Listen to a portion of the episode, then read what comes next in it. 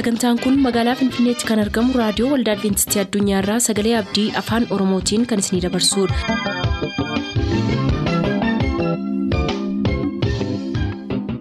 Nagaan Waaqayyoo isiniif haa ta'u. Hordoftoota sagantaa keenyaa akkam jirtu bakka jirtan hundaatti ayyaanni waaqayyoo isiniif haa baay'atu jechaa sagantaa keenyarraa jalatti kan nuti qabannee isiniif dhiyaanu sagantaa fayyaaf sagalee waaqayyooti. Jalqabatti sagantaa fayyaatii ittiin eebbifama.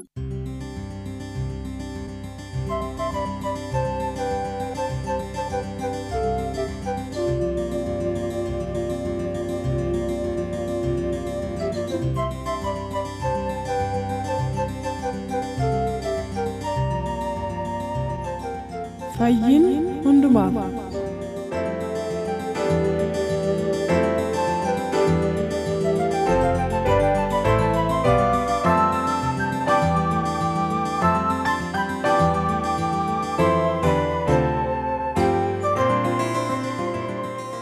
Fayyaan faaya fayyaan isin hin dhibin jennaa akkam jirtu jaallatamuuf kabajamoo dhaggeeffatoota keenya kun sagantaa fayyaati. Akkuma yeroo darbee har'as qondaala fayyaa kan ta'e obbo Tashaalee Jaarraa waliin qophii fayyaa har'aa isiniif qabannee dhiyaannee jirra. Kutaa darbe keessatti akkamitti akka fayyaa keenya eeggachuun nurra jiru waa mara kaasnee caqasaa akka turre ni yaadattu. Har'as immoo kutaa kana keessaa waan baay'ee akka barattan abdii godhachaa qophii keenya ka'arraa isiniif qopheeffannee dhiyaanneerra. Isinis nu waliin tura.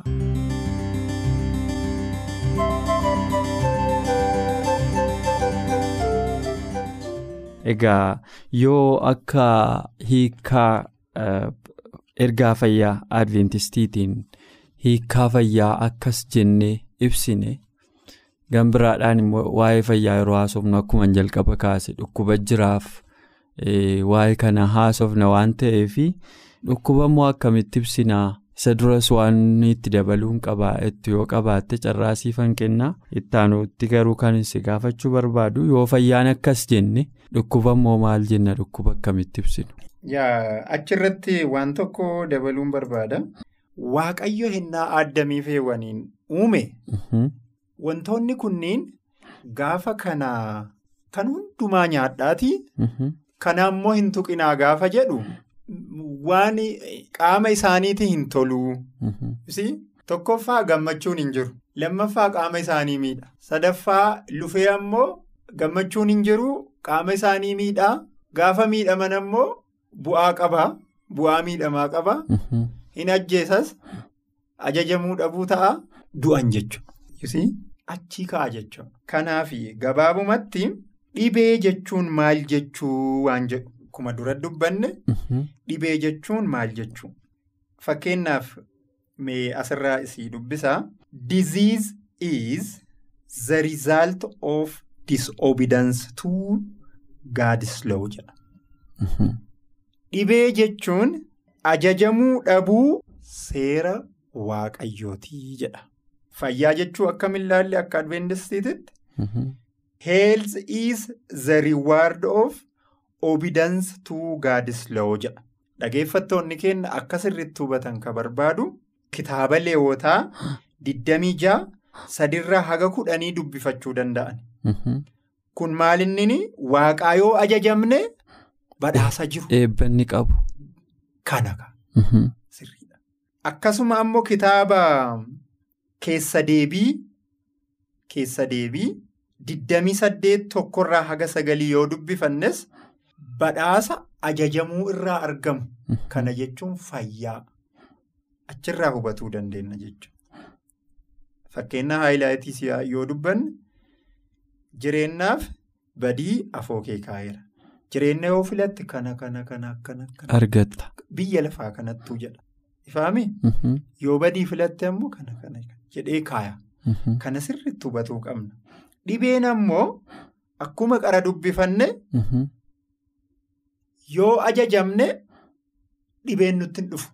Seera waaqaati jechuudha. Seera waaqaati yoo ajajamne dhibeen nutti hin dhufu. Kanaafi kaa ajajamuu dhibee jechuun sirriitti namni hundinuu ka hubatuu qabu seera waaqaatii ajajamuu dhabu. Kanuma gabaabaa maafii addamii feewwaniin kunuunsi waan as keessa jiru hundumaa nyaadhu itti gammadii garuu seetana ammoo hin tuqinii. Seetana ammoo hin tuqini. In ilaaliniyyuu gaafa ilaalte amma isteeppii heewwan itti kufte isteeppii gara torbaattu jira. Namni cal jedheetuma amma waan badaa qaama ofii balleessu kana hin hojjetu. Isteeppota adda addaatu sadarkaadhaan bira dhaqa.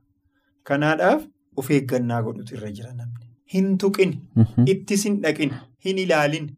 Gaafa tutte qaama kee miidha. Gaafa tutte gammachuu dhabda. Gaafa tutte cubbuu fida. Gaafa tutte si ajjeesa. Kana jechuudha. Fayyaa kee illee si jalaa mancaasa. Kanaaf fayyaa jechuun ajajamuu dhabuu seera waaqayyooti. Seeronni kun maal akka ta'an.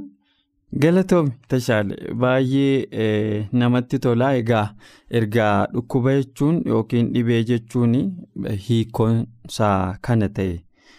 Gama biraadhaan immoo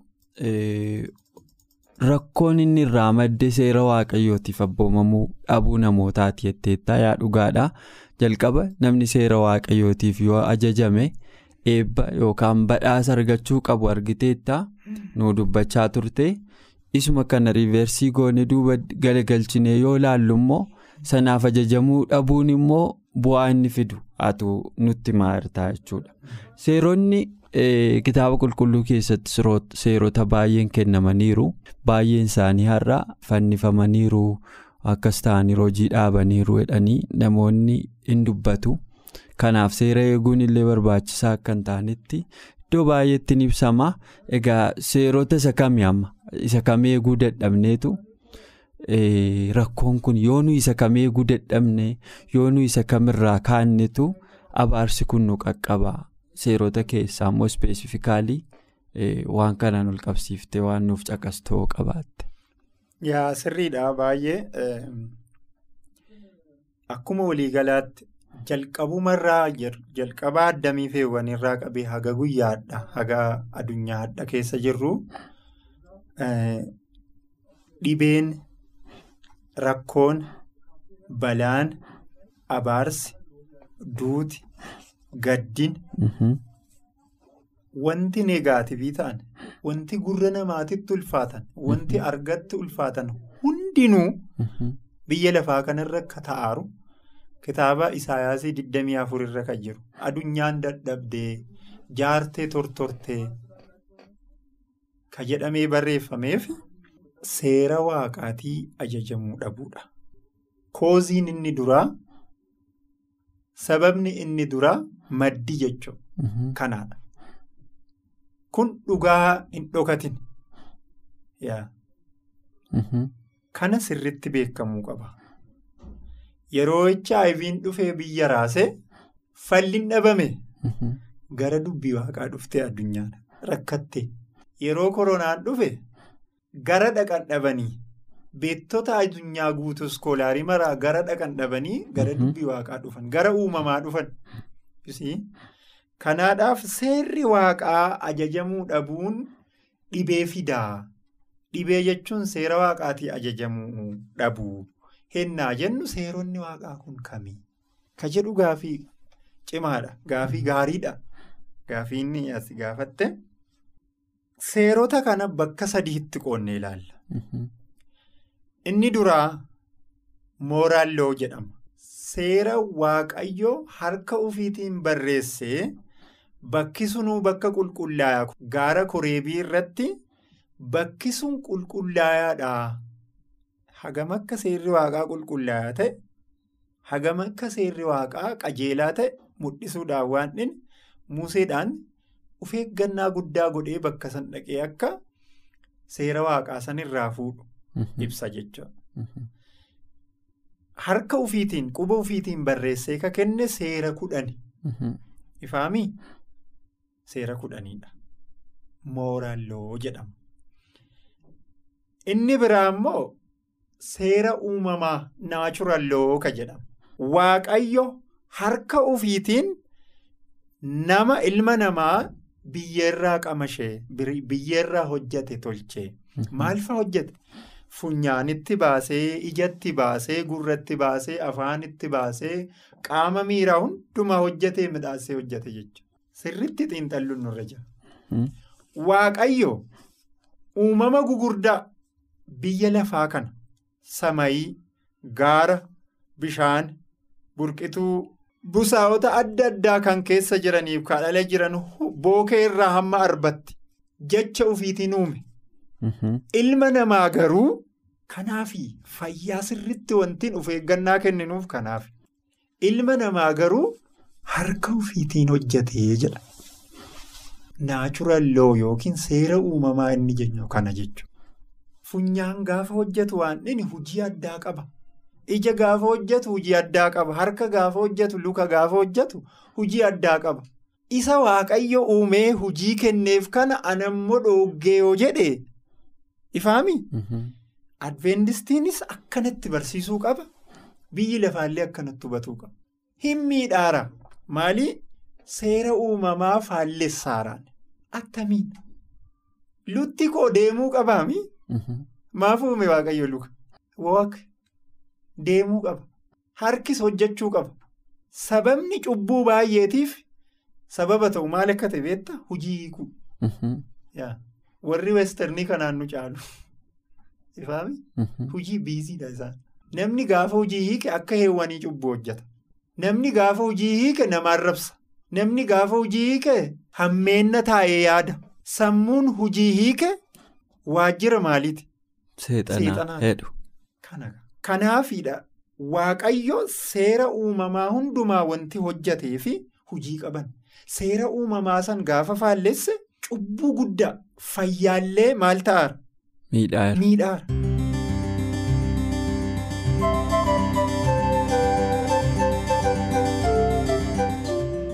Eeyyee dhibeen abaarsa seera waaqayyoof abboomamuu dhabuu akka ta'e ilaalaa turre itti dabalaanis inni kaan immoo filannoo keenyaan wanta qaama keenyaaf hin taane soorachuu fi rakkoolee kabiraarraas dhibeen nu mudachuu akka danda'u kaasaa turre kanaaf hunduu seera waaqayyoof akka abboomamu akkasumas filannoo keenya akka sirreeffannu fayyummaa keenya eeggachuuf jecha sochiilee qaama adda addaallee gochuu akka qabnu.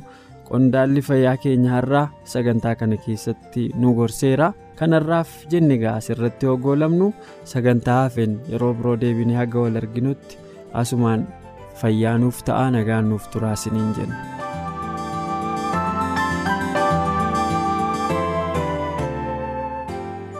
Turtanii reediyoo keessan kan banattaniif kun reediyoo adventistii addunyaa sagalee abdiiti. Kanatti aansee sagalee waaqayyootu isiniif dhiyaataatii nu waliin tura.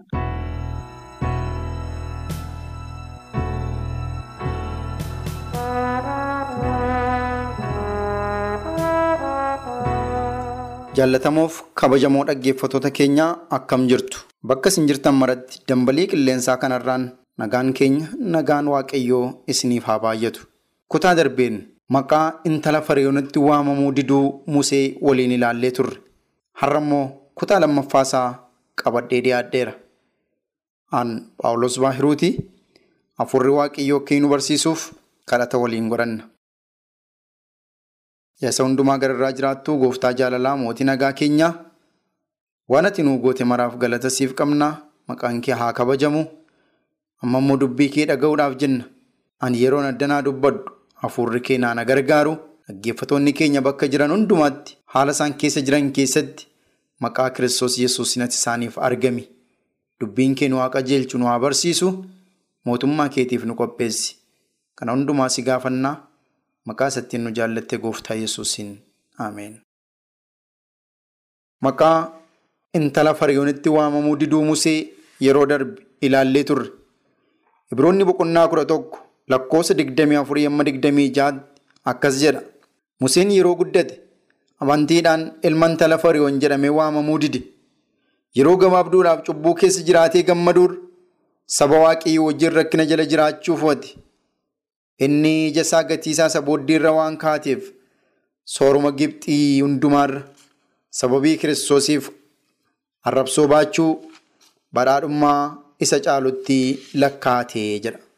Yeroo darbe Museen yeroo guddate yeroo hamaadhaaf gaarii bare akka inni maqaa sanatti waamamuu hin barbaanne Kana immoo amantiidhaan akka godheef diddaa isaa akka agarsiise. Diddaa akkasii kana immoo Yoosef yommuu haati manaa Phooxifaar na wajjin ciisi jettee akka inni dideef Nahimiyaan yeroo warri isaan morman hojii inni hojjetu karaatti hambisuudhaaf gadi kottumee dhimma kee qabna maree kee qabna yeroo afur yeroo shan itti ergan akka inni dide ilaallee beellamaan gargar baanee turre. Har'a immoo itti fufnee ilaalla. Museen diduunsaa gaarummaatiif ture.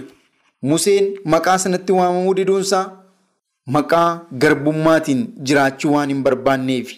Gooftaan Yesuusis taatee akkasii raawwateera. Wangeela Maarqos boqonnaa sadii lakkoo soddomii tokko amma soddomii shaniitti akkas jedha. Maarqos boqonnaa sadii lakkoo soddomii tokko hanga soddomii shaniitti. Kana booddee haati Yesuusiif obbolaansaa dhufanii ala dhaabatanii itti erganiis isa waamsisan. Yeroo sanatti tuuti namootaa isatti naanna'anii taa'u turan. Isaan immoo kunoo haati kee obbolaan kees alaa si gaafachaa jiru ittiin jiran. Inni garuu deebisee haati koo obbolaan koos eenyu fa'ii isaaniin jedhe. Gara warra isatti naanna'anii taa'anittis ilaalee haati koo obbolaan koos warras jiran kanadha. Jaalala waaqaa kan godhu eenyuyyuu obboleessa kooti. Obboleettii kooti. Haadha kootis jedhee jedha. Saba waaqayyoo akkuma Museen dide akkuma Nahimiyaan dide Yesuusis haati keef obbolaan keessi waamaa jiru. Mee alatti barbaadamtaa gadi ba'i. Akka isaaniin dubbisi yommuu ittiin jedhame an akkamittiin dubbii waaqayyootuun barsiisaa jiru. Dhaggeeffatoota warra na hordofaa jiran kana dhiisee akkamittiin hin gadi ba'a. Hin naqu ittiin jedhee didi. Diddaan akkasii faayidaa saba warra kaaniif jedhameeti. Yesuus haadha isaa wallaalee obboloota kabiraa sana wallaalee miti. Isaaniin salphiduuf jedhees miti. Garuu dursa kan qabaachuu qabu sagalee waaqayyooti. Dursa kan qabaachuu qabu dubbii waaqayyooti. Isaaniin sagantaa sana xumuree iyyuu arguu hin danda'a. Kanaaf jedhee waaqayyoof iddoo jalqabaa saba waaqayyoo wajjin dubbii waaqayyoo dhaga'uu isa jalqabaa godhate. Kan biraan diddaa isaanii kan agarsiisan Phexroosiif Yohaannis. Hojii ergamootaa boqonnaa afur lakkoofsa kudha saddeetii amma digdamii lamaatti yommuu dhaxxanii dubbistan taatee tokko agarra. Hojii ergamootaa boqonnaa afur lakkoofsa kudha saddeetii amma digdamii lamaatti akkas jedha. Kana booddee ol isaan waamanii maqaa Yesuusiin raawwattanii akka hin dubbanneef akka hin barsiifne isaan abbooman. Phexroosiif Yohaannis isaaniif deebisanii kan waaqayyoo dhaga'uurra kan keessaan dhaga'uun waaqayyoo duratti qajeelaa yoo ta'e isinumtuu faradaa. Nuyi garuu ofii keenyaa kan argineef kan dhageenye himuu dhiisuu hin dandeenyu ittiin jedhanii jira. Galanni waaqayyoof haa ta'u. Saba waaqayyoo Yohaannisiif Phexros wangeelaaf jedhanii rakkinatti darbanii turan. Dhiphina guddaa arganii hamaatti dabarfamanii turan. Gaaf tokko maqaa nama kanaatiin akka hin barsiifne ammaa kaatanii maqaa Yesuus nama jedhamu kanaan raawwattanii biyya kanatti akka hojii kana hin hojjenne akka hin lallabne ittiin jedhanii akeekkachiifamanii turan. Bartoonni kun garuu kan waaqayyoo dhaga'uurra kan keessan dhaga'uun waaqayyoo duratti qajeelaa isinitti fakkaata mee isinumtuu faradaa jedhan. Gara kutiisaa isinitti himna. Nuyi garuu ofii keenyaa kan argineef kan dhageenye himuu dhiisuu hin dandeenyu jedhanii jedha. Kana jechuun hin didanii. Diddaa isaanii agarsiisan. Akkuma Museen garbummaa sana keessa jiraachuu dide. Akkuma Yoosef ejjuu dide. Akkuma Nahimiyaan hojii dhiisee gadi ba'uu dide. Isaan kun immoo maqaa Yesuusiin hin barsiisinaa yommuudhaan hin barsiifna malee isa isin jettan hin dhageenyuudhaan didan. Saba waaqayyoo waan dhugaatiif jenne waan macaafa qulqulluurra jiruuf jenne diddaa keenya yoo mul'ifne waaqayyoo bukkeetti fudhatamni isaa guddaadha. Heertuu jalqabaa ani isinii dubbeessan sirriitti yommuu dubbistan lakkoofsi digdamii shan ibiroonni boqonnaa kudha tokko jechuu kooti. Ibiroonni boqonnaa kudha tokko lakkoofsi digdamii shan yeroo gabaabduudhaaf cubbuu keessa jiraatee gammaduurra saba waaqayyoo wajjin rakkina keessa jiraachuu fo'atee jedha. Yeroo gabaabduudhaaf cubbuu keessa gammadee jiraachuurra saba waaqayyoo wajjin dhiphinaan dabarsuu filatee jedha. Yeroo gabaabduudhaaf cubbuu keessa jedha. Cubbuu waan waaqayyoon gaddisiisu bu'aa kufaatii ijoollee waaqayyoo isa ta'e isa yerootiif namatti tolu tarii isa yerootiif haala namaa mijeessu isa guddina qaxxaamuraa namaaf kennu isa sammuu namaa yerootiif gammachiisee takka turee keessa namaa nyaatu sana keessa yeroo gabaabduu umurii waggaa torbaatama saddeettama dhibbaan wayiin caalle keessa jiraachuu hin barbaanne Museen. Inumayyuu rakkina jaallate mana mootummaa dhiisee anoo saba waaqayyoo wajjin rakkina filadha jedhe mana waaqayyoo keessatti rakkachuun gatiinsaa guddaadha. Rakkinni mana waaqayyoo keessaa gammachuu mana moototaa keessaa caala. Museetiif kanatu gale bulchiisa cubbuu hojjetu keessa taa'ee gammaduu hin dide ani bulchiisa cubbuu hojjetu kana keessatti gammadee jiraachuu hin danda'u. Cubbuun cubbuudha mormii isaa dhageessise. Irraa adda bahuu jaallate. Maa inni jechi gammaduu jedhu kun? Yeroo gabaabduudhaaf cubbuu keessa gammadee jiraachuurra jechuun maal jechuudha? Tarii nyaata gaarii nyaata ture. Mana mootummaa Fariyoon keessaa Museen. Filatee nyaata. Ilman tala Fariyoonii waan ta'eef. Dhugaatii miidhagaadhaaf filatamaa dhuga. Kan mootonni dhuguu qaban badhaadhummaa guddaa qabaachuu danda'a. Taayitaa hamma itti darbee biyyattii geggeessuutti qabaachuu danda'a. Kabaja guddaa qaba. Ilman tala Fariyoonii waan ta'eef hin kabajama ol ol qabama. Eenyuyyuu maqaa isaa ol kaasa. Tarii barnoota gaarii barachuu danda'a.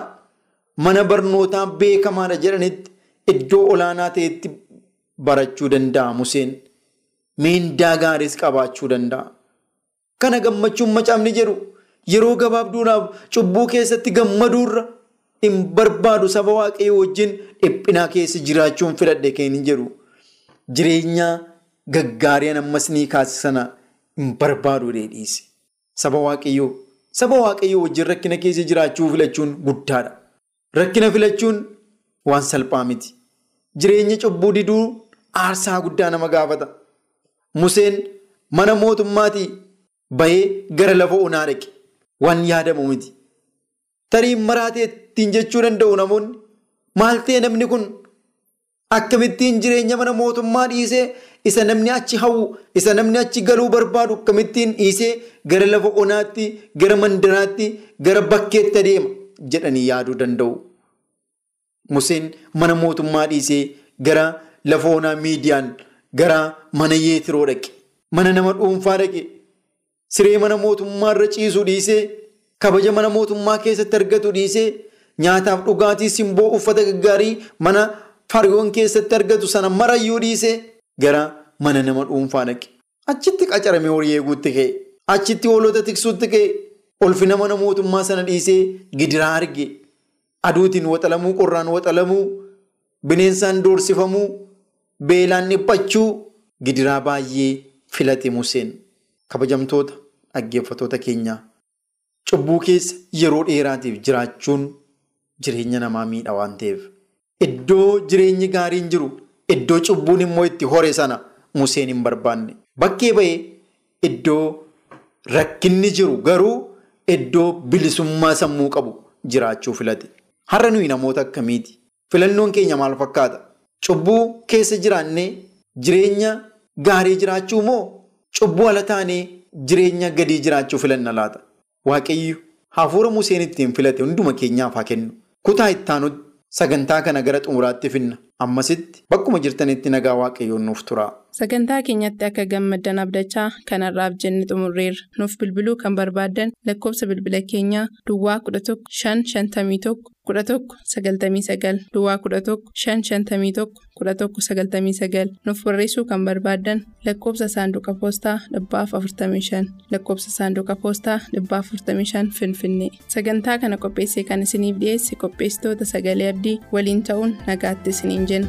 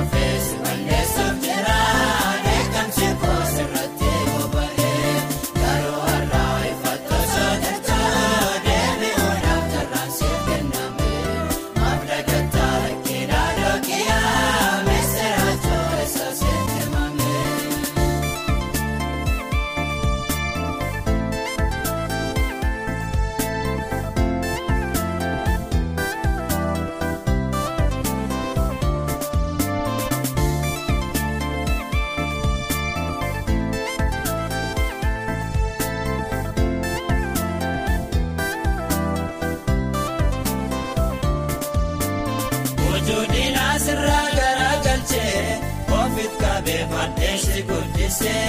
Waanjiraan.